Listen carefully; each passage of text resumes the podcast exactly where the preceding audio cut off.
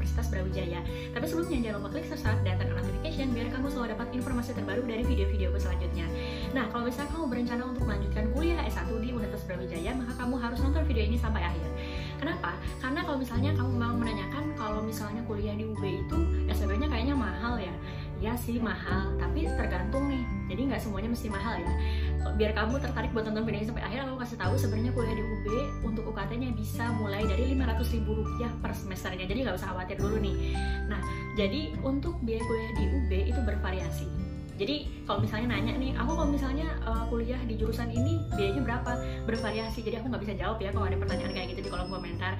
Nah apa aja sih yang menyebabkan biaya kuliah itu bervariasi? Yang pertama yaitu jalur kamu masuk kuliah S1 nah untuk jalur masuk kuliah S1 ini terbagi menjadi tiga.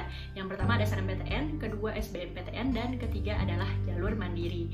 Nah kalau misalnya kamu tes dan lolos seleksi di SNMPTN ataupun SBMPTN maka bersyukurlah karena biaya kuliahnya atau UKT nya itu jauh lebih murah dibandingkan kalau misalnya kamu masuk S1 melalui jalur ujian mandiri. Itu yang mempengaruhi ya. Jadi kalau misalnya kamu mendapatkan kesempatan untuk SNMPTN atau SBMPTN dimaksimalkan di situ dan kalau misalnya memang udah nggak dapat dan memang harus masuk lewat ujian mandiri ya udahlah gimana lagi ya.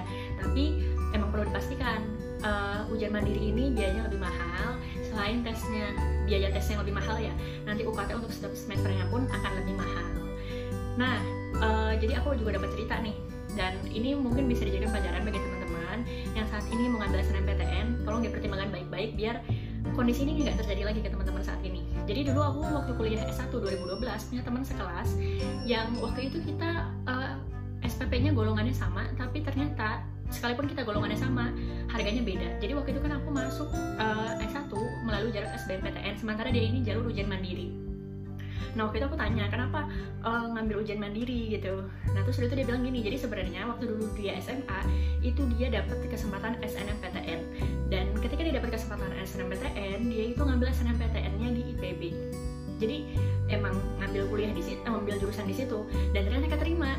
Tapi ternyata nggak diambil. Apa alasannya? Karena jauh dari rumah. Dia rumahnya di Bali dan dia ngambil IPB di Bogor. Dan akhirnya sekalipun keterima nggak diambil.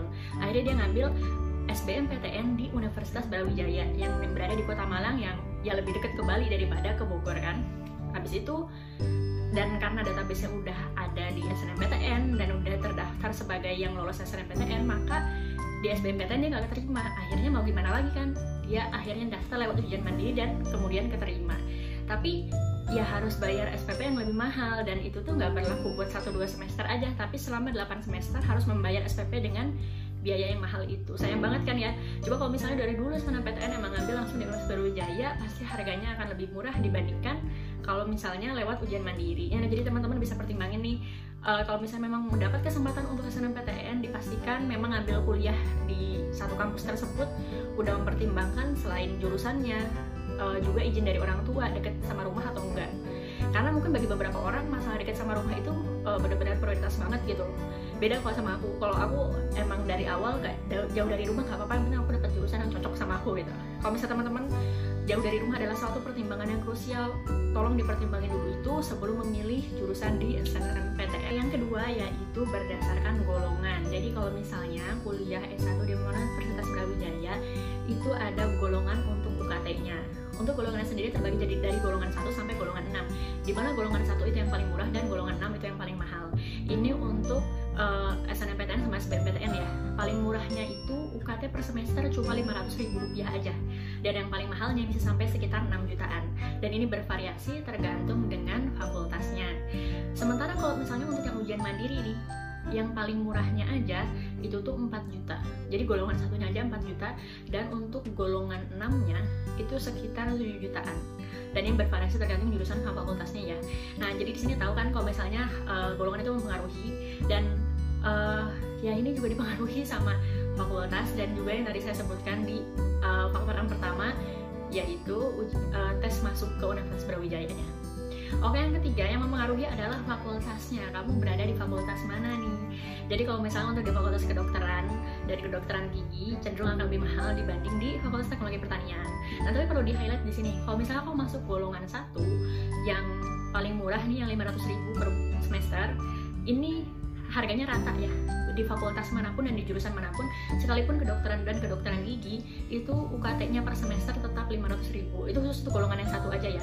Kalau golongan selanjutnya nanti akan bervariasi lagi tergantung jurusan dan fakultasnya. Nah, kalau misalnya kamu pengen informasi yang lebih jelas, bisa sebenarnya langsung ke website resminya di Universitas Brawijaya karena informasi yang aku dapatkan ini per 2020 dan ini kemungkinan akan diupdate per 2021. Oh ya, yang terakhir hampir lupa nih. Setelah satu lagi yang mempengaruhi biaya dari UKT yaitu adalah jenjangnya. Nah, kalau tadi udah membahas tentang S1 ya. Jenjang ini maksudnya apa? Jenjang S1, S2 dan S3. Jadi kalau misalnya UKT untuk S1 itu pasti jauh lebih murah dibandingkan UKT S2 dan UKT S2 jauh lebih murah dibandingkan UKT untuk S3. Dan perlu diketahui untuk berdasarkan jenjang ini S2 dan S3 tidak ada golongannya. Jadi untuk S2 dan S3 SPP-nya ya eh, SPP-nya UKT-nya ya sama. Nggak ada golongan 1 sampai 6 seperti di S1 tadi. Nah, tapi kalau misalnya S2 ini kamu lebih cenderung lebih mudah mendapatkan beasiswa karena kenapa mahasiswa S2 tidak sebanyak mahasiswa S1 nah jadi kamu bisa nih dapetin beasiswa beasiswa banyak kalau misalnya kamu tugas belajar mungkin akan dapat beasiswa yang dibiayai oleh perusahaannya atau instansinya. Atau kamu juga bisa cari beasiswa sendiri lewat LPDP atau beasiswa unggulan Kemendikbud. Ataupun kalau misalnya kamu berasal dari Fakultas Teknologi Pertanian juga dan lanjut di fakultas yang sama. Kalau di Universitas Brawijaya biasanya ada beasiswanya. Seperti dulu aku uh, S1-nya di Fakultas Teknologi Pertanian dan S2 lanjut di fakultas yang sama itu dapat beasiswa untuk uh, beasiswa alumni. Tapi tetap ada syaratnya juga. Segitu aja. Terima kasih sudah menonton video ini sampai akhir. Jangan lupa klik subscribe dan turn on notification